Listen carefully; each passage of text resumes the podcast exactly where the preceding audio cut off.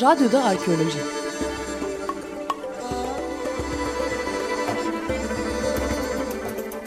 Bir arkeoloji programı.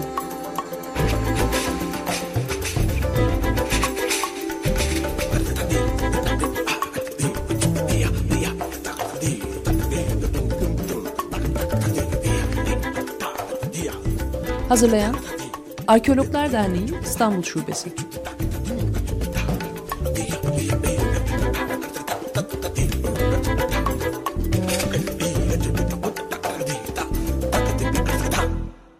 Sevgili dinleyiciler, Arkeologlar Derneği İstanbul Şubesi'nin hazırladığı Radyoda Arkeoloji programına hoş geldiniz.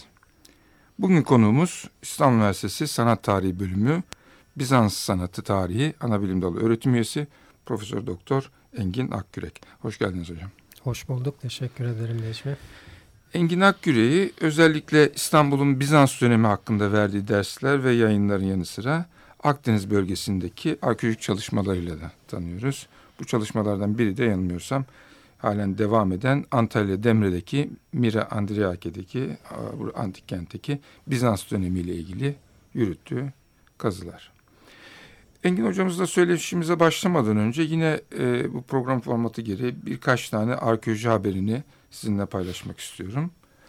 Bunlardan ilki e, Orta Asya'dan Washington St. Louis Üniversitesi'nin Orta Asya'da yürüttüğü bir araştırmanın sonuçlarıyla ilgili. Science Daily'nin haberine göre Orta Asya'da tarım alınmış bitkilerin yayılımı bölgede de hayvancılık yapan göçerler sayesinde gerçekleşiyor. Ve bu yakın zamana kadar öngörülenden de birkaç bin yıl daha eskiye günümüzden 5000 yıl öncesine dayanıyor. St. Louis e, Üniversitesi araştırmacılarının kanıtları ise e, Kazakistan'daki yaylalarda bulunan kamp yerlerindeki tahıl ve bezelye kalıntıları ki bunlar oradaki İpek yolunun geçtiği güzergah üzerinde de bu göçerlerin tarımı e, yaygınlaştırma konusundaki rolünü bize anlatıyor. İkinci haberimiz biraz daha yakın coğrafyadan İspanya'dan. Burada tarih öncesi döneme e, günümüzden yaklaşık 7 bin yıl öncesine tarihlenen bir mağara keşfedildi. Resimleriyle öne çıkan bir mağara keşfedildi. İspanya'nın doğusunda Castello'da bulunan bu mağarada 10 tane figür açığa çıkarıldı ki bunlar arasında bu figürler içerisinde boğa ve keçi resimlerinin yanı sıra ok atan büyük olasılıkla avcılık sahnelerini içeren figürlerde bulunuyor. Bu araştırmayı Barcelona ve Toulouse üniversiteleri yürütmüş. Ee, ancak e, mağaranın yeri koruma amaçlı e, şimdilik gizli tutuluyor. İki haberimiz de Türkiye'den. Bunlardan ilki e, Çorum'da, Çorum Sungurlu'daki kaçak kazılar sayesinde bulunan bir e, lahit ile ilgili.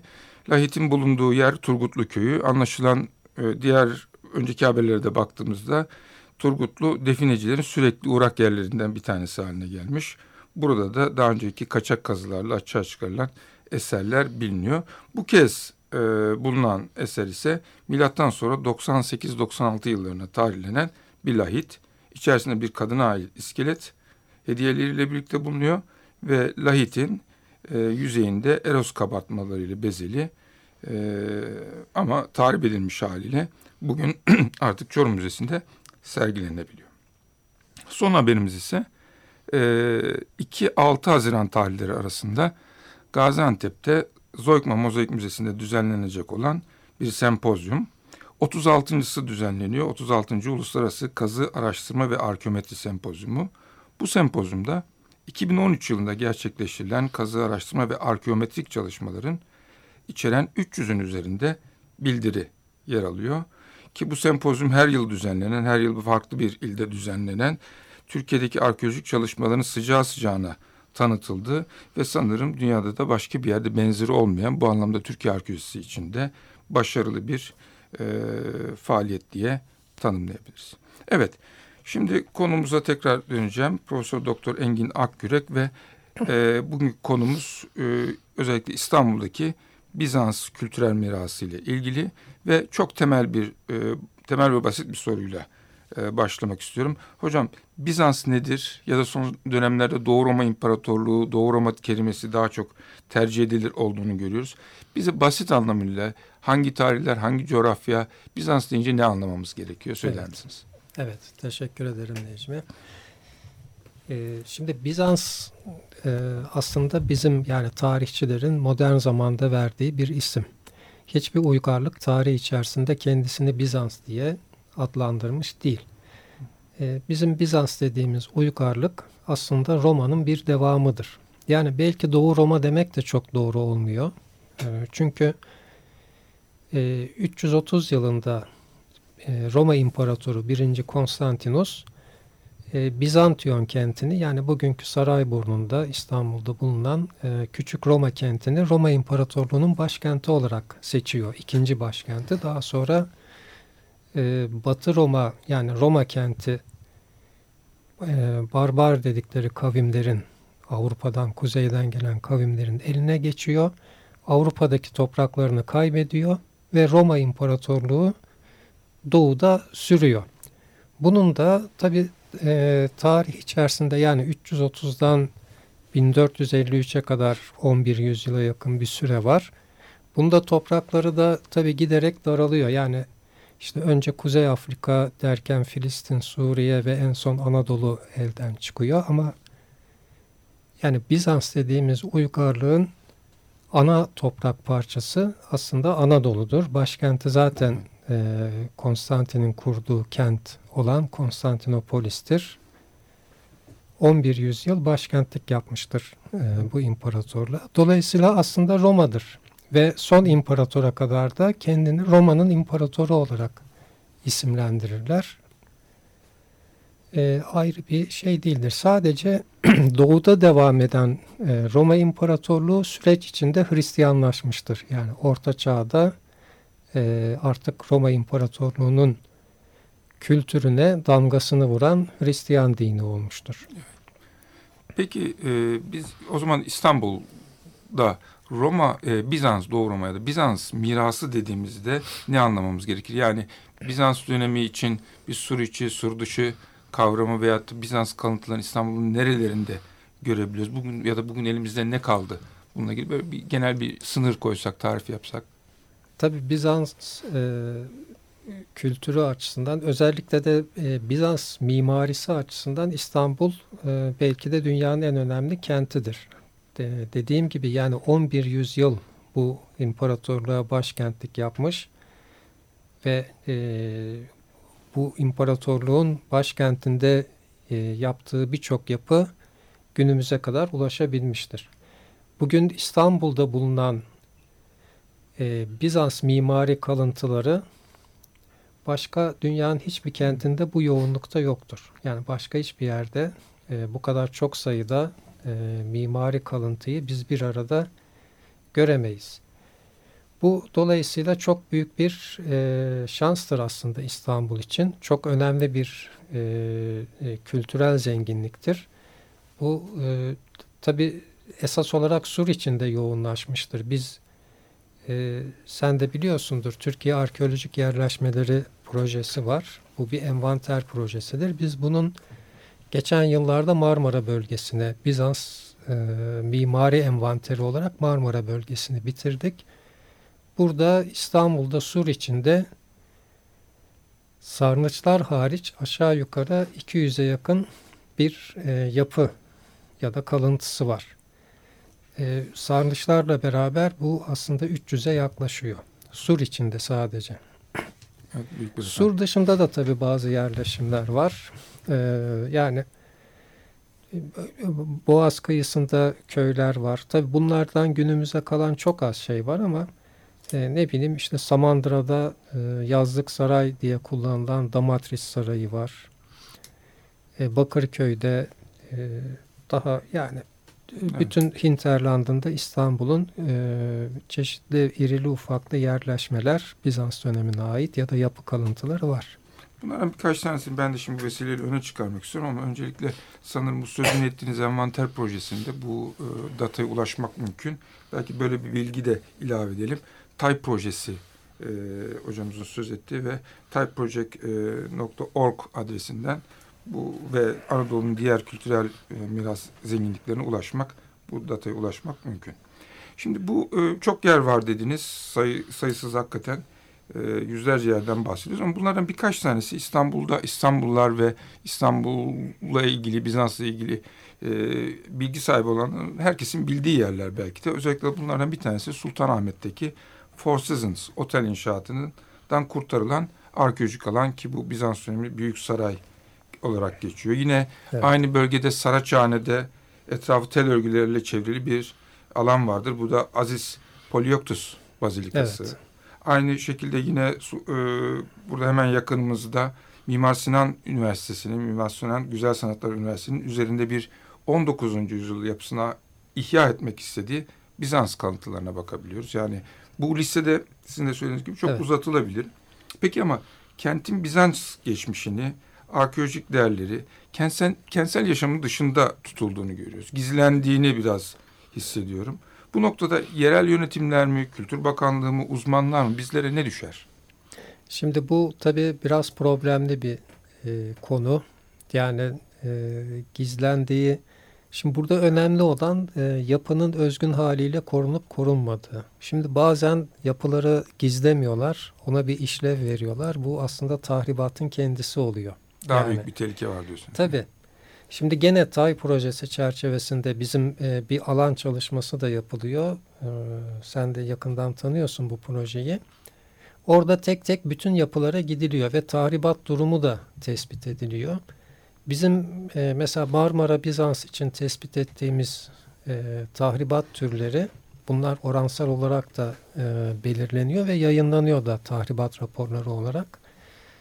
Kırsal bölgelerde daha çok tarım tahribata neden oluyor. Kent merkezlerinde e, ise yerleşme yani onun üzerine e, yapılaşma daha doğrusu e, tahribata neden oluyor. Ama biz bu araştırmamızda e, belki iyi niyetle yapılan e, restorasyonların da bir tahribat türü olduğunu e, tespit ettik. Onun da belli bir oranı var yani tahribat türleri içinde. Evet. Şimdi e, Büyük Saray e, işte bugün Sultanahmet Camisi'nden e, Ayasofya'ya kadar bir çizgi, bir hat çizip bunu da denize kadar uzatırsanız hatta Küçük Ayasofya'dan gelip denize kadar uzatırsanız o alan içinde imparatorların büyük sarayı bulunuyordu. Bunun e, bugün bilinen bir kısmı İstanbul Mozaik Müzesi'dir. E, yani orada bir zemin mozaikleri e, var. Bu Büyük Saray'a ait olduğu biliniyor. Onun dışında e, sarayın kalıntıları tamamen bugünkü yapılaşmanın altında duruyor. Renaissance Oteli e, tam başlangıç tarihini bilmiyorum ama belki 10-15 yıl oldu orada kazı başladığı. Bunlar e, dört e, metal ayak üzerine bir otel binası, iki tane bina e, yaptılar. Bunun karşılığında da firma, e, oteli yapan firma oradaki arkeolojik kazıları destekliyordu, finanse ediyordu. Ben e, bu projenin son iki yılına danışman olarak dahil oldum. Çünkü 15 yıl falan kazdılar. Ondan sonra dediler ki ya bu kazıyoruz ama bunları bir de korumak lazım. Dolayısıyla bir konservasyon e, girişiminde bulundular. Bu koruma için yani kazılarda ortaya çıkan kısımların korunması için bir bilim kurulu oluşturdular. Ben de onun içindeydim. Biz bir buçuk yıl filan çalışma imkanı bulabildik. Bir Bizans hamamı kalıntısının konservasyonunu tamamladık. Ondan sonra e, otel inşaatı durdurulunca otel e, sahibi de e, finansmanı kesti ve kazılar da konservasyonda durdu. Şimdi onlar açığa çıkmış fakat korunmayan bir durumdalar. Yani bu durumda ne yapmak gerekir? Yapılması gereken bakanlığın oradaki e, kazıları ve konservasyonu e, finanse etmesi, o oteli de ki başlangıcı da yanlıştır, söküp oradan atması. Evet. Bu, bunun yapılması lazım bakanlıktan. E, ama tabii bilmiyorum yani ben bugün Türkiye'de bir kültür bakanı olduğundan bile emin değilim. Yani bir şey hissedemiyoruz bir varlık. E, bu, buraya şöyle bir ilave yapmak isterim. E, Evet bir firma, bir marka. Yunanistan belki onlarca var. Yani dünyanın farklı ülkelerinde, farklı kentlerinde otelleri olan bir zincir. Ama sanırım Evet. Sultanahmet'ten ve Büyüksaray'dan sadece bir tane var. Ve Evet. bu da herhangi bir özel şirketin kim olursa olsun onun e, projeksiyonuyla kazılacak ya da kazılmayacak, kazılmış açıkta bırakılacak e, bir durumda olmaması gerekiyor. İnsafına terk edilemez. Kesinlikle. Yani. Evet. Kesinlikle. Bir, bir başka konu yine Bizans mirası ile ilgili e, ve son günlerde de bir, birkaç kez daha gündeme geldi. Bu özellikle İznik ve Trabzon Ayasofyalarının camiye dönüştürüldüğünü görüyoruz. Şimdi İstanbul Ayasofyası içinde zaman zaman bu tartışmalar gündeme geliyor. Stüdyos Manastırı'nın camiye dönüştürüleceği söyleniyor. Burada kimlik ve koruma demişken bu dönüşümleri nasıl değerlendiriyorsunuz? Nedir sizin bu konudaki görüşünüz? Şimdi e, bizim yani Türkiye'nin kültürel mirası e, ya da kültürel zenginliği diyeyim. Çünkü miras deyince başa gelen bunu har vurup harvan vurabileceğini zannediyor. E, kültürel zenginliği e, çok büyük bir talan altında.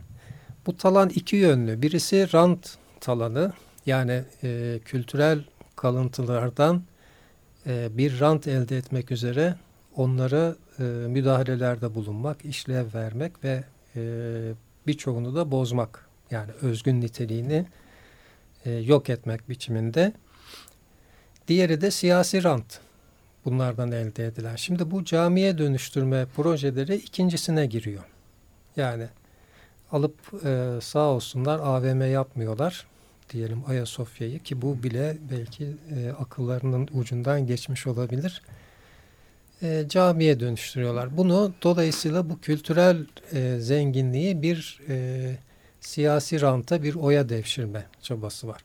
Şunu belirteyim bizim açımızdan yani sanat tarihçileri e, belki e, hani kültür dostları diyeyim açısından birinci öncelik e, o yapının ya da o kültürel e, varlığın e, özgün niteliğiyle korunabilmesidir.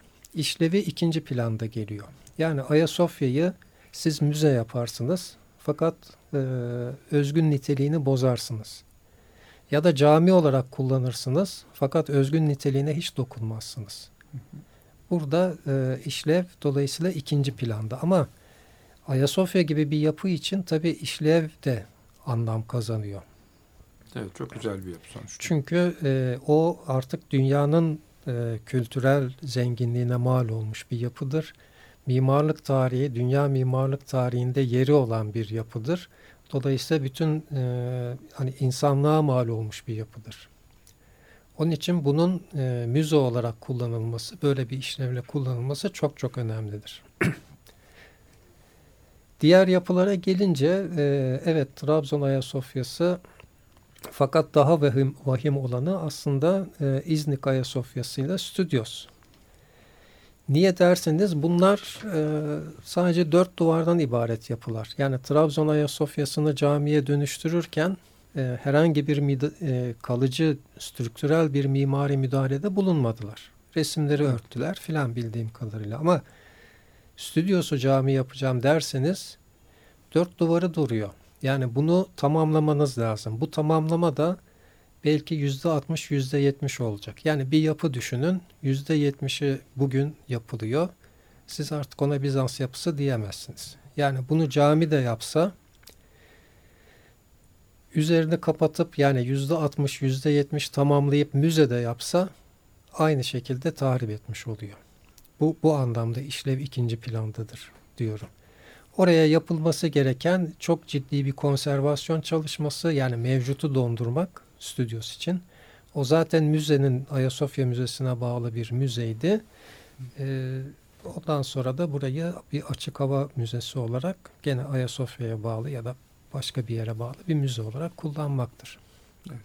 Şimdi aslında başka bir soruyu daha kapısını açıyor bu. Ee, sözünü ettiğimiz bir tahribatlar, aslında uygun olmayan restorasyonlar. Böyle baktığımız zaman sadece Bizans e, kalıntılarıyla sınırlı değil. Osmanlı Tabii. dönemi kalıntılarında da benzeri bir e, şey uygulamalar görüyoruz. Tahribat görüyoruz. Sizce bu bunun nedeni acaba bir politikanın olmaması mı yoksa rantın e, bir politikanın, kültürel bir kaygının da önüne mi geçtiği şeklinde yorumlayabilir miyiz? E, bir bakıma öyle diye yorumlayabiliriz. Ben e, yani kültürel kalıntılar konusunda e, bir ayrım yapıldığını düşünmüyorum. Hepsine e, kötü davranılıyor. Evet.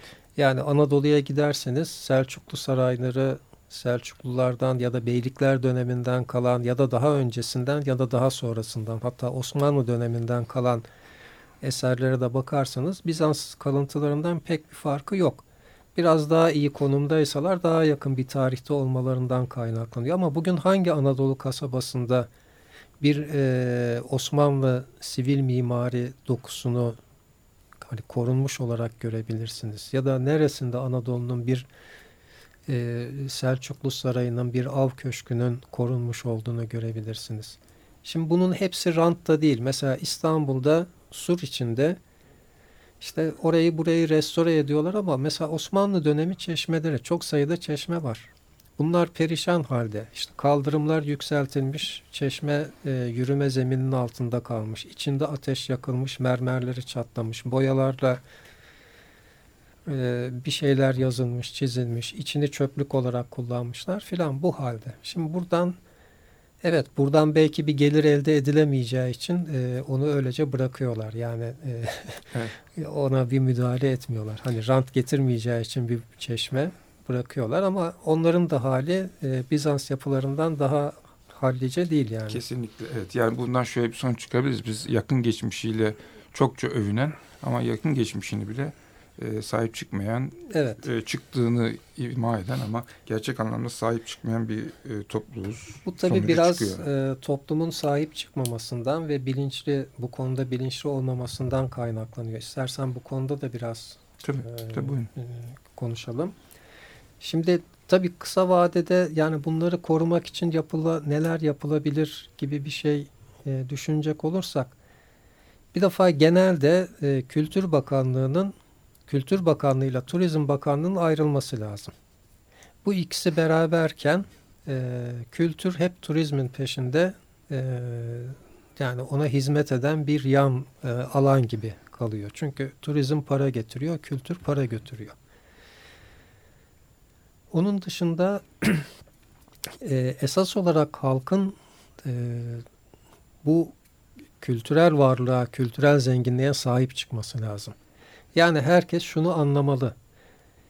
E, mahallemizde bulunan bir Osmanlı çeşmesi ya da bir e, köyümüzde, kasabamızda bulunan bir Bizans yapısının kalıntıları e, bize getirilip verilen e, iki çuval kömürden çok daha değerlidir. Bunun bilincine varması lazım. Ve halk kendi bölgesindeki ya da genel olarak ülkedeki kültürel zenginliğe sahip çıkmadığı sürece hiçbir tedbirle bunları korumak mümkün değildir. Çok zengin. Bizim ülkemiz gerçekten kültürel e, açıdan e, maddi kültürel kalıntılar açısından dünyada eşi benzeri olmayan bir yer. Hem çeşitlilik olarak hem sayısal olarak. Şimdi uzun vadede de tabii ne yapmak gerekir? E, yani halkın bir defa e, halkın bunu tanıması lazım. Yani şimdi Bizans'ı sadece Malkoçoğlu filmlerinden tanıyan e, bir kesim var ise biz e, bu problemi çözemeyiz. E, Türkiye'de e, işte arkeologlar, sanat tarihçiler e, üniversitelerden mezun oluyorlar, işsiz kalıyorlar değil mi? Şimdi evet, bunlar da istihdam diye e, taleplerde bulunuyorlar çok sayıda. E, bence ilk öğretimde ve orta öğretimde arkeoloji ve sanat tarihi dersleri zorunlu ders olmalı. Hı hı. Ve e, e, bu dersler e, kesintisiz olarak 8-12 yıla çıkarsa 12 yıl boyunca verilmeli. Bunun içinde e, arkeolog ve sanat tarihçileri öğretmenlik yapmalı e, ilk öğretimde. Bunun ilk başta yani daha ilkokul birden başlayarak öncelikle bu kültürel zenginlikleri sevdirmek biçiminde olmalı bu dersler. Daha sonra da giderek e, e, tanıtmak, bu konuda bilgilendirmek ve e, öğrenmelerini sağlamak. Yani bilinçlenmek bu konuda. Bu hem istihdam konusunda yani işsiz olan arkeolog ve sanat tarihçilerin istihdamı konusuna büyük bir katkı sağlayacaktır. Hem de e, gerçek yani bu konudaki aydınlanma, kültürel e, varlığın korunması ve değerlendirilmesi konusundaki aydınlanma ancak eğitimle ve bu şekilde olabilir. Yani herkes bu eğitimden geçeceği için toplum bunun değerini anlayacaktır. Tabii bir de e, yani demokratik bir ortam da gerekiyor. Çünkü e, demokratik bir ortam yoksa bir şeyi tartışamıyor ve eleştiremiyorsanız o toplumda e, bu kültürel bilincin e, gelişmesi mümkün değildir. Bugün e, herhangi bir kazı başkanı ya da herhangi bir kazı ekip üyesi Kültür Bakanlığı'nın politikasını eleştirdiği anda ismi çiziliyor ekip listesinden. Bunun örnekleri var. Ya da kazısı elinden alınıyor. Eleştirmeyelim, yanlışlar devam etsin. O zaman bunu mu istiyorlar? Ee, bilmiyorum yani. Ee, ya birçok söylediklerinize katılıyorum. Özellikle bu istihdam konusunu biraz daha açılabilir. Ama e, şunu da ekleyeyim. E, eleştiriyoruz. Yakın geçmişimizle ilgili, uzak geçmişimizle ilgili yapılan bütün hataları eleştiriyoruz. Ve ben bir kazı başkanıyım. bu, buna rağmen eleştirmenin de önünde hani e, bir engel görmemek gerekiyor. E, bütün olumsuzlukları kabul etmekle birlikte. İstihdam denince hakikaten Türkiye'nin en ücra köşesinde bile arkeolojik kalıntılardan bahsedebiliyoruz. Ve şöyle baktığımız zaman evet o ücra köşe öğretmen gidiyor, sağlıkçı gidiyor, e, polis gidiyor, asker gidiyor ama bir tek gidemeyenler kültür tarihçileri. Dolayısıyla bu kadar istihdam konusunda bu kadar dışlanmış bir meslek grubu herhalde arasak yoktur. bu kadar mezunla karşılaştırdığım zaman yoktur. Şimdi bir köy ilkokuluna mesela bir arkeolog ya da sanat tarihçisi gitse öğretmen olarak o köydeki varsa eğer kültürel kalıntılar çok farklı oradaki insanlar Kesinlikle. Yapar. Kesinlikle. Bu anlamda şöyle bir şey daha özellikle İstanbul'a geri dönersek İstanbul'daki kazıların ruhsat sürecinin bir parçası olarak yapıldığını görüyoruz. Oysa bir sürü boşluk alanlar da var. Acaba bu yani bilim insanları mı istemiyor burada kazmayı bu boşluklarda ya da mülkiyet gibi sorunlar mı var? Yani bunu nasıl e, görüyorsunuz? Yani İstanbul kent için evet, soruyorsun. Evet özellikle. E, tabii yani kazı yapacak alan zaten pek kalmadı İstanbul'da. E, mülkiyet sorunları var. Bir de yani bir e, destek olması lazım kazı yapılabilmesi için.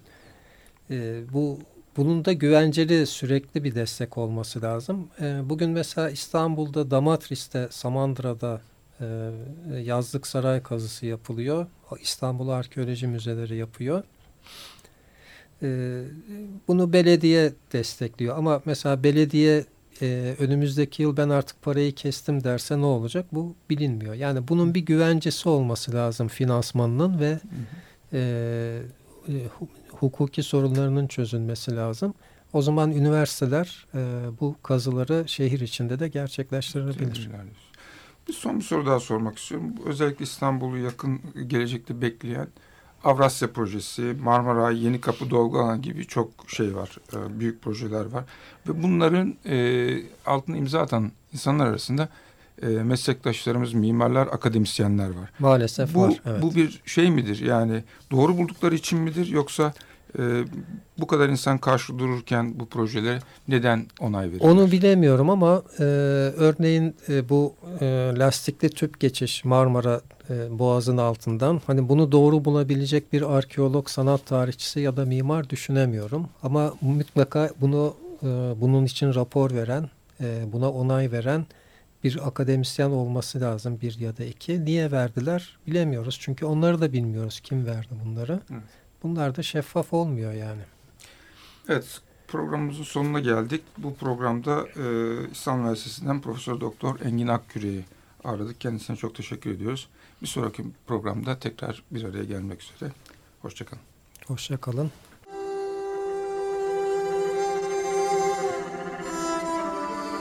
Radyoda Arkeoloji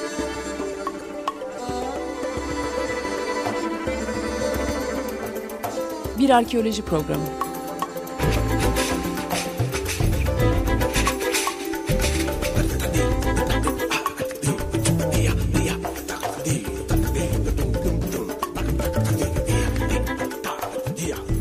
Hazırlayan Arkeologlar Derneği İstanbul Şubesi.